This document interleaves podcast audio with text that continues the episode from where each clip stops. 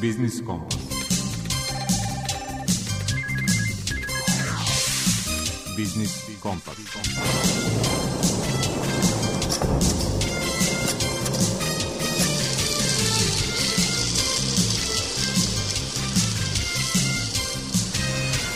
Pred mikrofonom je Đuro Vukelić. Dobar dan, poštovani slušalci. Privodimo polako kraju i oktobara, građevinska sezona ne jenjava. Baš kao ni izdavanje građevinskih dozvola ili kupoprodaja stanova. O tome smo u rubrici Aktuelno razgovarali sa sekretarom Udruženja industrije u Privrednoj komori Vojvodine, Zoranom Trpovskim. Gost autor rubrike iz mog ugla je prodekan Prirodno-matematičkog fakulteta Univerziteta u Novom Sadu Daniela Rajter Ćirić, a tema prožimanje nauke i privrede i iskustva PMF-a. Treću godinu za redom Razvojna agencija Srbije je raspisala javni poziv za podršku kompanijama koje nameravaju da se uključe u lanac dobavljača multinacionalnih kompanija – O uslovima govori rukovodilac projekata u regionalnoj razvojnoj agenciji Bačka Marija Prokopić. Zloupotrebi u plaćanju karticama preko interneta tema je rubrike Predmet financije i izlaganja savjetnice za edukaciju korisnika finansijskih usluga u Narodnoj banci Jelene Popović. Naš saradnik iz NOPS-a Mladen Alfirović u rubrici Potrošačka korpa prava upozorava na najavljeno neopravdano poskupljenje usluga brze pošte.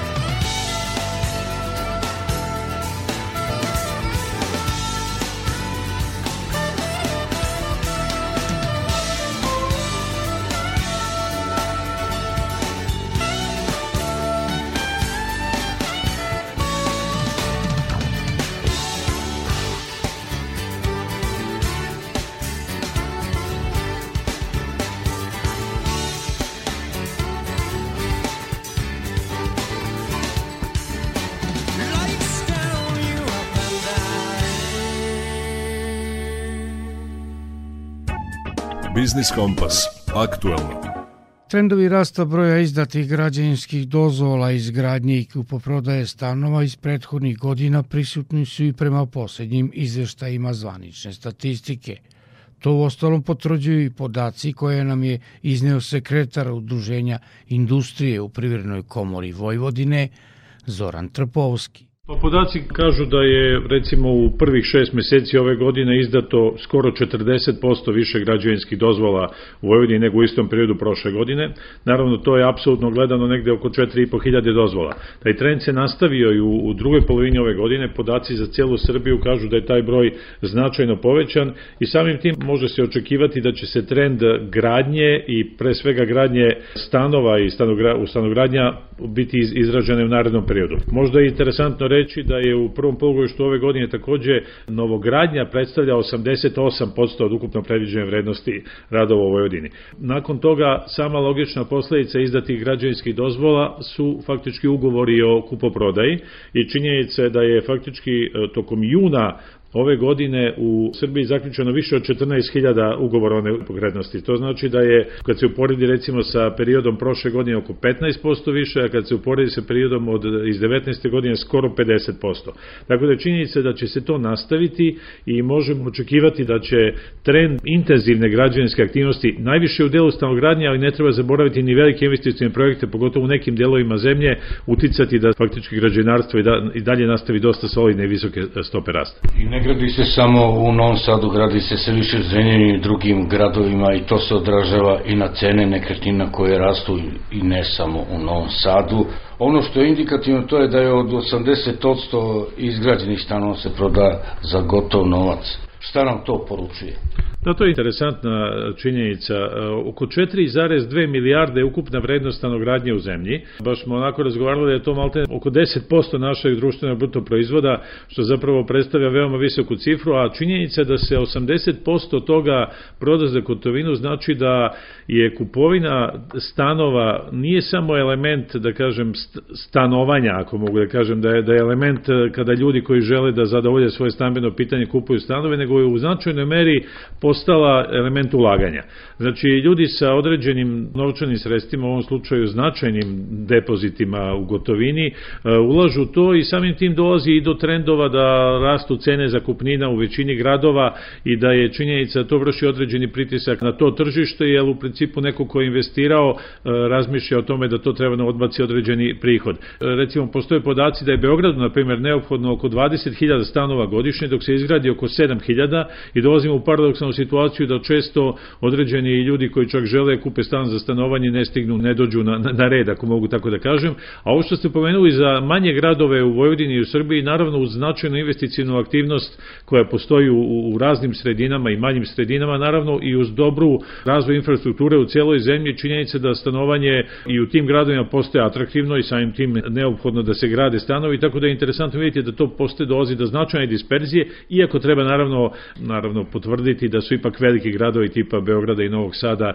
najveća građevinska tržišta. Ali definitivno je podatak o velikom iznosu gotovine, a samo 20% kredita, to je interesantan podatak za analizu izvješća uglova. I za poreske vlasti, naravno. Pa da, činjenica je da, da depoziti u bankama, znači globalni nivoi depozita, pogotovo deviznih depozita, ne padaju, nego čak rastu i činjenica da je ovde generisan jedan značajan iznos gotovog novca, to nije uvek uobičajeno, ali ovaj postoje razne objašnjenja za to, ali činjenica da se s druge strane to pojačava značajno uticaj i ulogu građevinske industrije. Veliki su inputi i veliki broj raznih proizvoda koji se ugrađuje u, u stanove i uopšte u građevinske objekte. Činjenica da naša građevinska industrija koja proizvodi, ako mogu da kažem, ove primarne proizvode najviše tipa cigla, crep, cement, često ti proizvodi odlaze u izvozu ove okolne zemlje, tako da se dešava da i u tom segmentu, plus naravno velike potrebe infrastrukturnih projekata, dolazimo u situaciju da i te, to mora da se uvozi, da je, a pogotovo ovih nekih, usudim se reći, finijih proizvoda koji se ugrađuju u stanove, tu postoji značajna tražnja i samim tim i potreba da se to kupuje i u inostranstvu. Tako da veliki su tokovi i gotovine i robni tokovi. Koliko će ovaj trend trajati, procena će sigurno trajati i sledeću godinu. Stalno se pominje o nekom od evo pregrajana tražnja i da će ona u određenom momentu da se ohladi, ali za sada nismo svedoci toga i verujem da i u narodnoj godini se to još uvijek neće desiti. Dakle, ne treba očekivati ako ne rast, onda makar stagnaciju pad nikako, što se tiče cene kvadrata.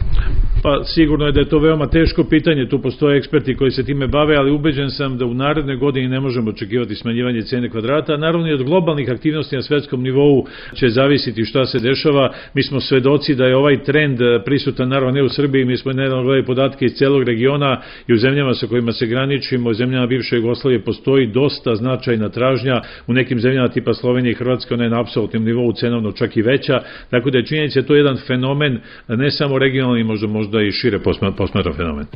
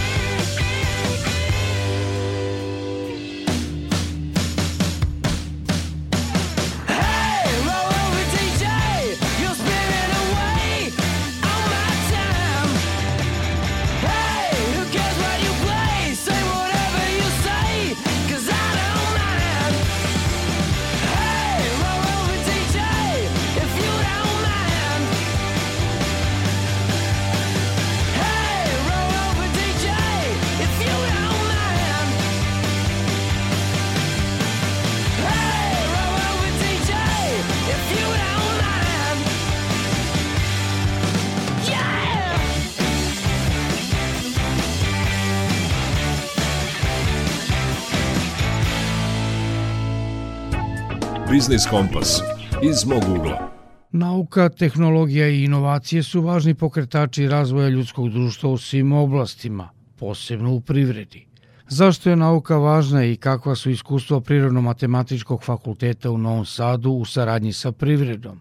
O tome u današnjoj rubrici iz mog ugla govori prodekan Prirodno-matematičkog fakulteta Univerziteta u Novom Sadu Daniela Rajter-Ćirić. Nauka pre svega povećava naše fundamentalno znanje, a bez fundamentalnih znanja ne možete stvarati nove tehnologije, a bez novih tehnologija nema privrednog razvoja i rasta. Benefiti nauke za privredu su veliki. Naučna znanja nama omogućavaju razvijanje novih tehnologija, a to nam dalje sad omogućava da rešavamo neke konkretne praktične probleme i da na osnovu naših spoznaja i rešavanja tih problema donosimo važne odluke, bilo da su te odluke pojedinačne ili kolektivne. Dalje, važno je reći da su posebno danas naučna istraživanja i njihove primene u privredi toliko isprepleteni procesi da praktično jedan drugoga podstiču. E, nova naučna saznanja mogu dovesti do novih primena u privredi, a opet kroz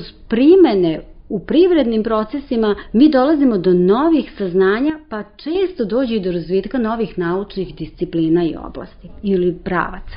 I za svake napredne tehnologije stoje fundamentalna naučna istraživanja. I zato mi na Prirodno-matematičkom fakultetu sa ponosom ističemo da školujemo studente koji se bave fundamentalnim naukama, jer smo svesni da u jednom razvijenom društvu bez pomaka i velikih napredaka fundamentalnih nauka nema ni tehnološkog razvoja, a onda nema ni privrednog razvoja, ekonomskog razvoja i svakog drugog razvoja ljudskog društva.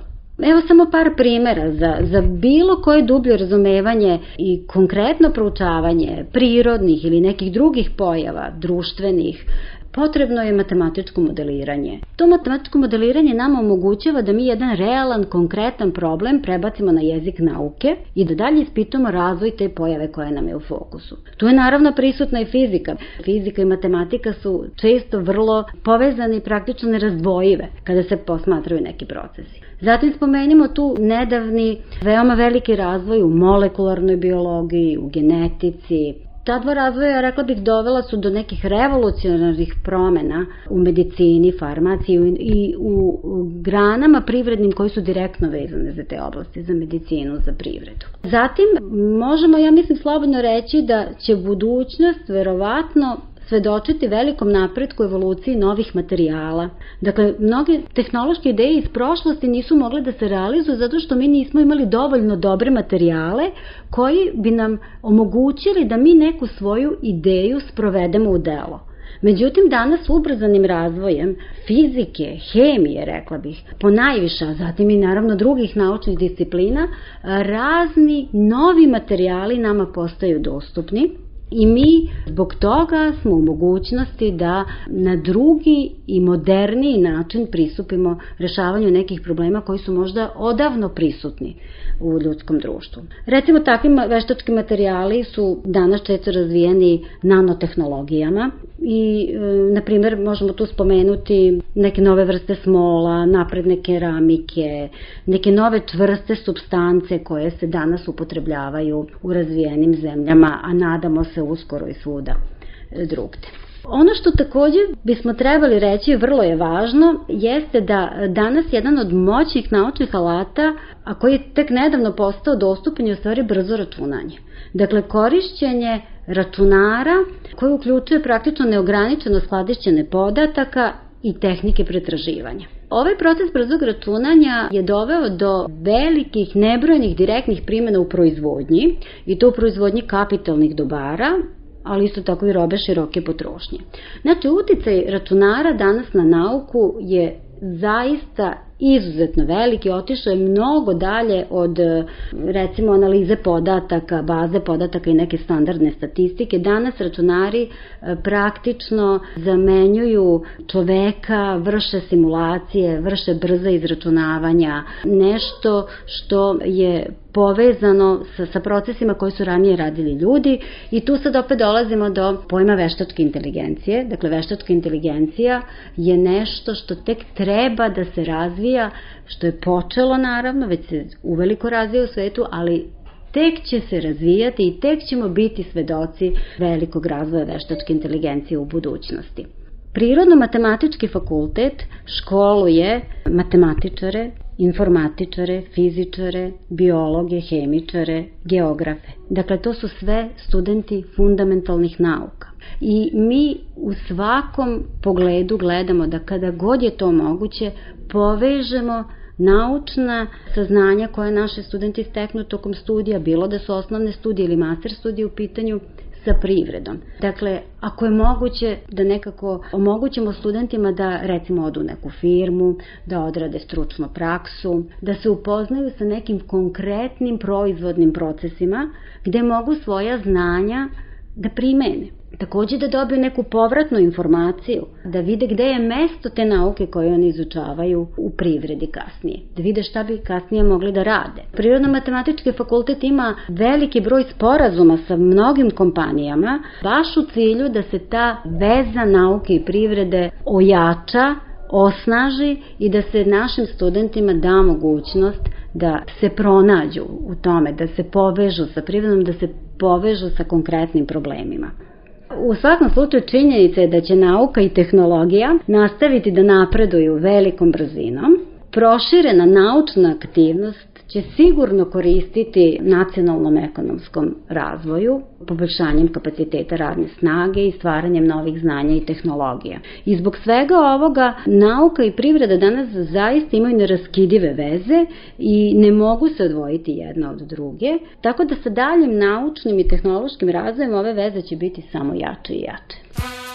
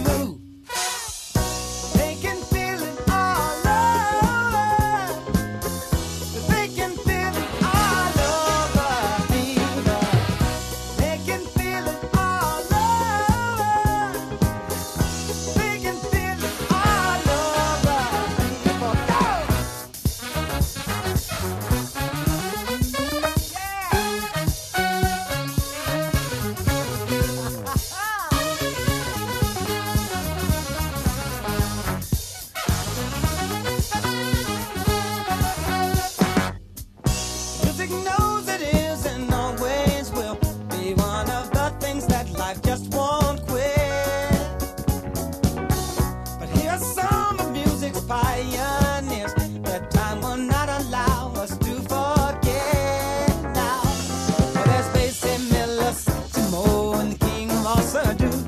And with a voice like Alice ringing out, there's no way the band can lose. You can feel it.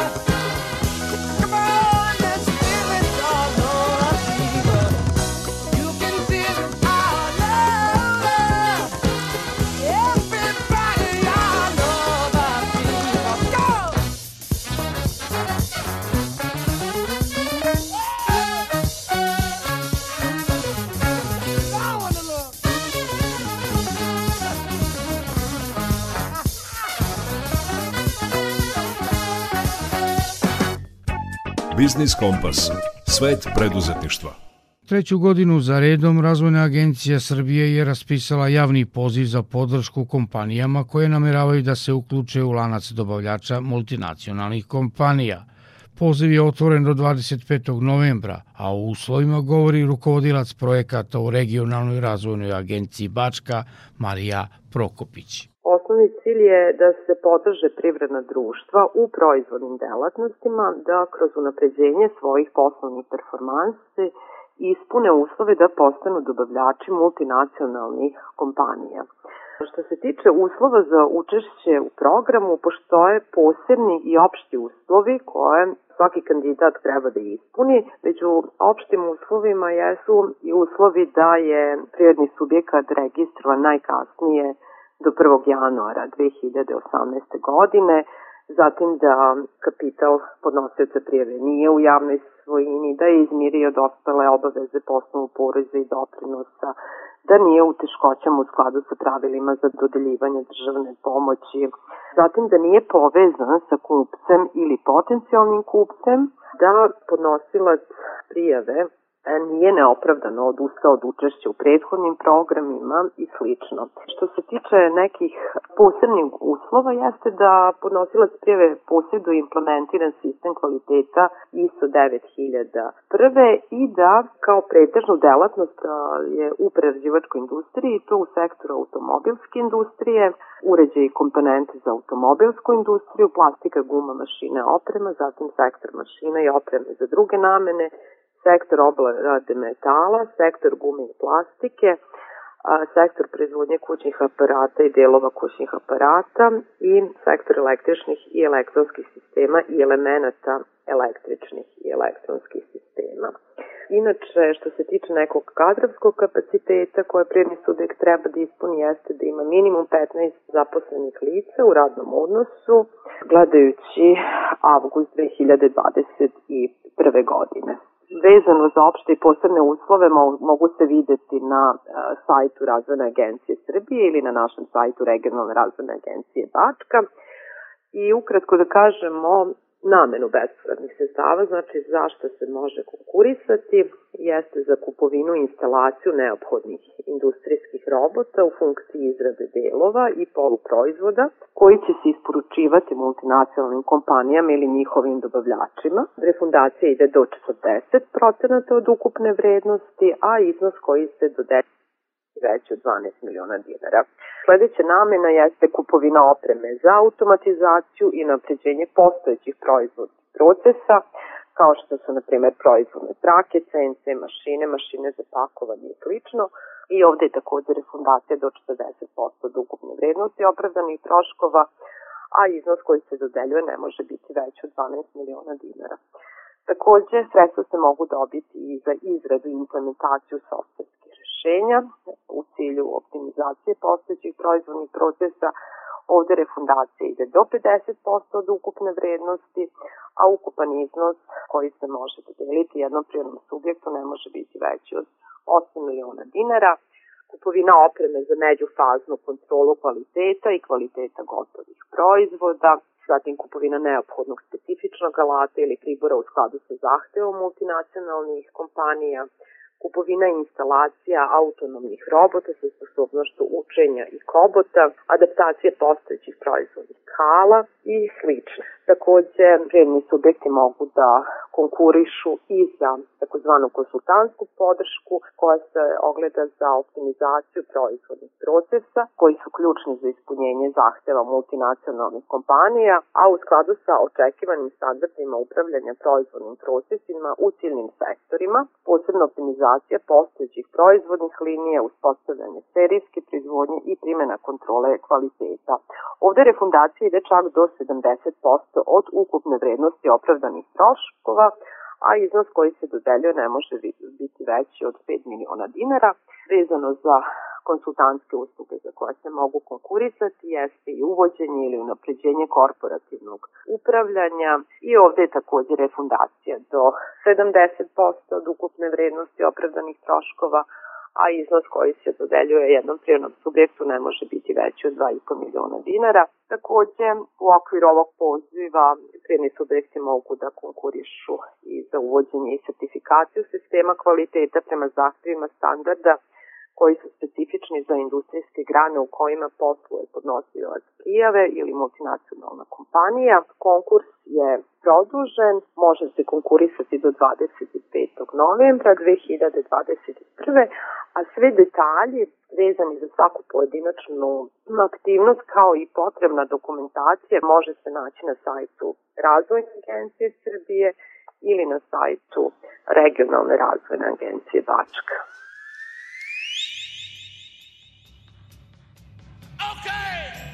Tokyo, South America.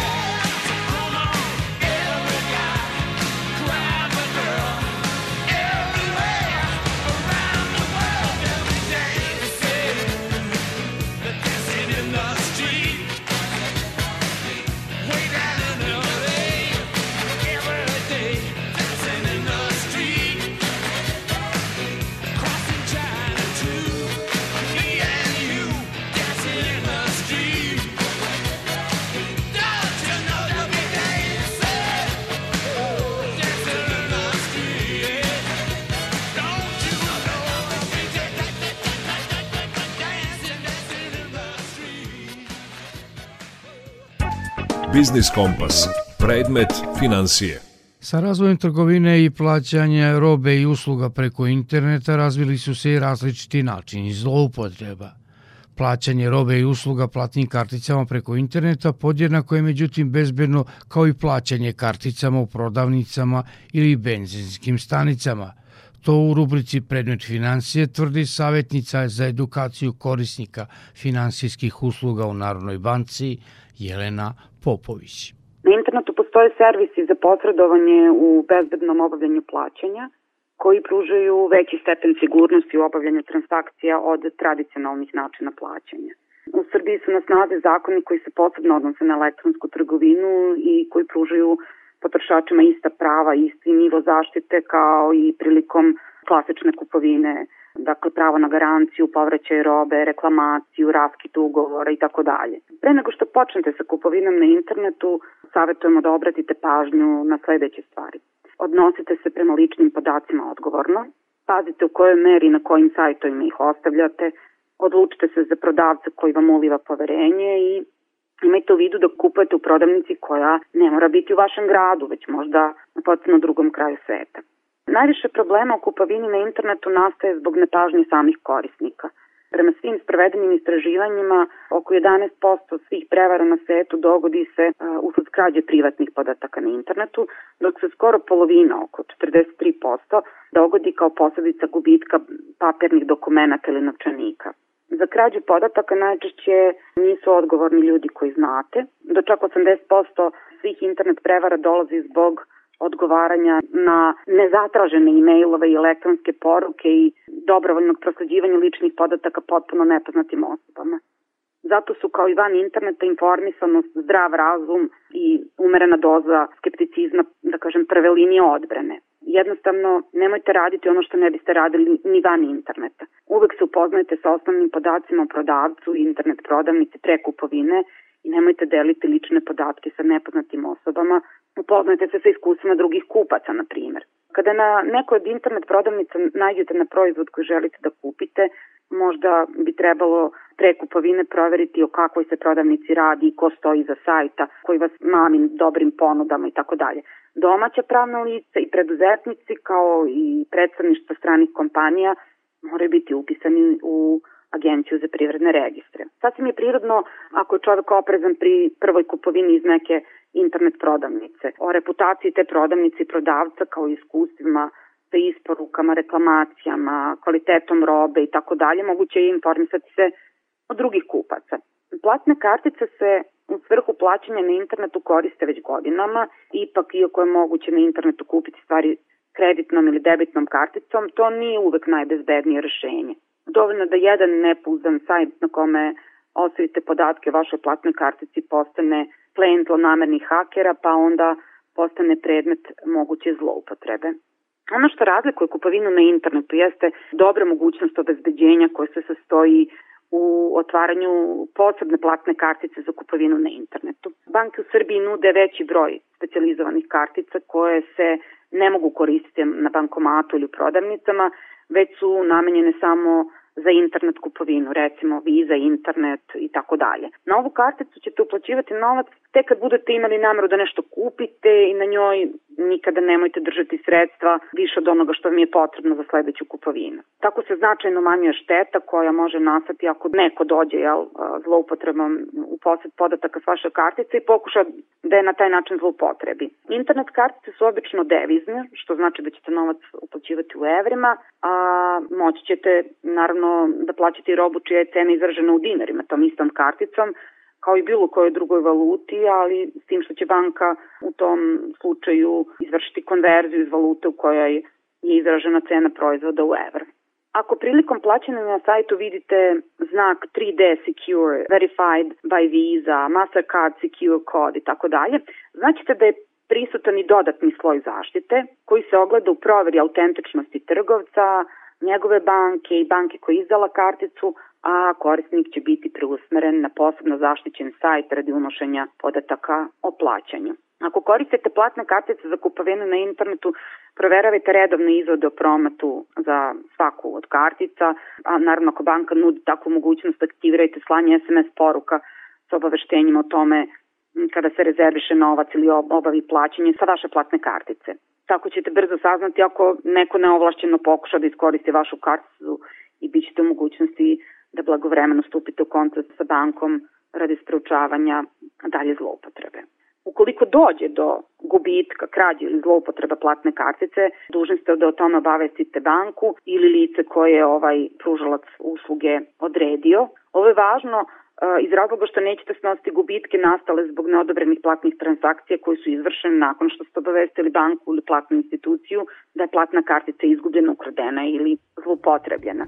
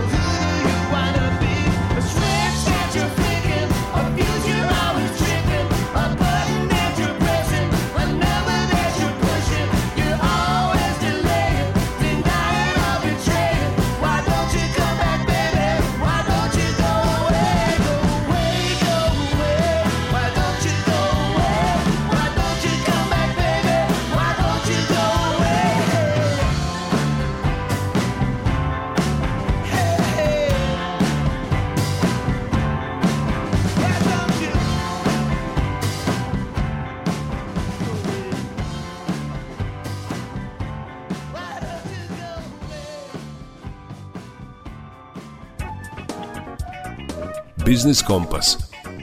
Potrošačka korpa prava. Naš saradnik iz Nacionalne organizacije potrošača Srbije Mladen Alfirović u rubrici Potrošačka korpa prava upozorava na neopravdano poskupljenje usluga brze pošte, a koje je najavljeno od 1. novembra.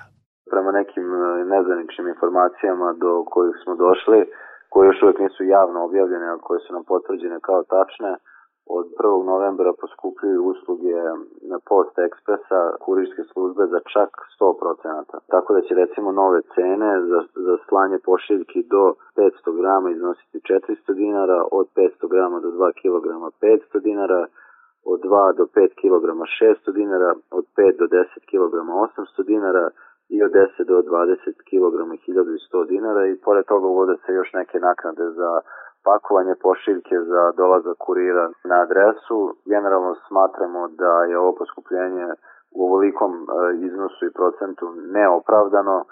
Jedan od razloga kojim se to pokušava objasniti jeste poskupljenje goriva. Međutim, e, smatramo da je 100% izuzetno veliki iznos i da će to predstavljati dodatan e, teret i udar na budžet potrošača, prvenstveno zbog toga što veliki broj malih preduzetnika svoje proizvode šalje putem ove kurirske službe, što praktično znači da ako za 100% poskupe usluge slanja paketa, da će minovno i cene tih proizvoda koji se šalju morati da se povećaju. Iz tog razloga se Nacionalna organizacija potrošača Srbije obratila agenciji za poštanske usluge koja treba da odobri ovo povećanje cena. Dakle, smo obrazloženje i smatramo da, da zaista ovaj procenat neopravdan jer gorivo nije u proteklih nekoliko meseci poskupelo za, za taj iznos i prosto ne vidimo razlog da, da to poskupljenje bude u tom procentu i podsjećamo da generalno potrošači inače imaju veliki broj prigovora kad su u pitanju kurirske službe,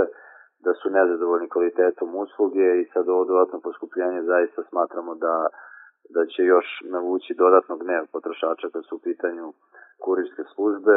Podsjećanje radi E, najveći broj prigovora se odnosi na to što kuriri praktično neće uopšte da dođu do vrata.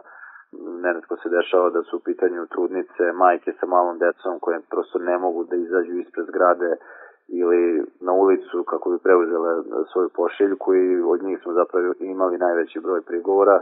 Druga stvar je da neretko se usluga vrši na taj način da paketi budu oštećeni, da, da roba bude oštećena i onda se praktično izmišlja neki nepostojeći rok od 24 sata koji nije definisan zakonom da se to prijavi, a veliki broj potrošača ne stigne u roku od 24 sata da to pregleda i onda e, nažalost su u nezavidnom položaju tako što ostanu i bez novca i bez e, ispravne robe koju su naručili. Tako da generalno je savet potrošačima da pre nego što se odluče koju će kurijsku službu koristiti da se dobro informišu opštim uslovima i da kad god su to u mogućnosti da pošiljku kojim se uručuje pregledaju na licu mesta i ukoliko utvrde da je ona oštećena da to prijave. Zakon o poštanskim uslugama je takav da uvek odgovara pošiljalac za pakovanje paketa, za izbor adekvatnog materijala u koji će se upakovati neka stvara ukoliko je ona lomljiva Tako da primalac pošiljke nikad ne može biti odgovoran, znači ako dođe do nekog loma, do štećenja ili bilo kakvog drugog problema vezano za tu pošiljku, znači ili može biti odgovoran pošiljalac koji je neadekvatno upakovao ili kurirska služba koja nije na pravi način rukovala sa tom pošiljkom. Dakle, sve su to neke informacije koje vrlo često ponavljamo potrošačima i nije na odmet da ih još jednom ponovimo, Takođe, ono što smo već rekli na početku, ovo poskupljenje zaista nije opravdano budući da postoji veliki, izuzetno veliki broj prigovora potrošača koji se tiče kurirske službe i zaista smatramo da iako imamo razumevanja da, da su poskupe, da je poskupelo gorivo i naftni derivati, ali ovaj procenat od 100% je zaista preveliki, smatramo da će on izazvati revolt i veliko nezadovoljstvo kod korisnika usluga post ekspres kurirske službe, a verujemo da će onda i kurirske službe ostale krenuti istim putem i povećati cenu svojih usluga. Wait, wait.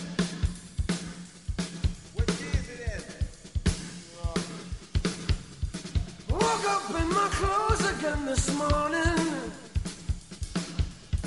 I don't know exactly where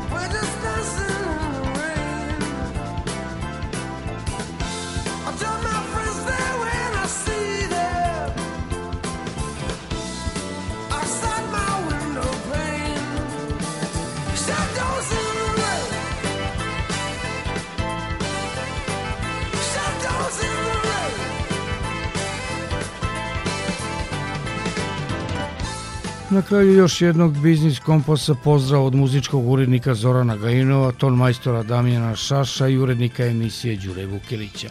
Uz podsjetnik da i ovu emisiju možete poslušati naknadno na sajtu Radio Televizije Vojvodine podcastu Odloženo slušanje. Naredni sastanak vam zakazujemo za sedam dana u isto vreme. Zdravi bili i čuvajte se.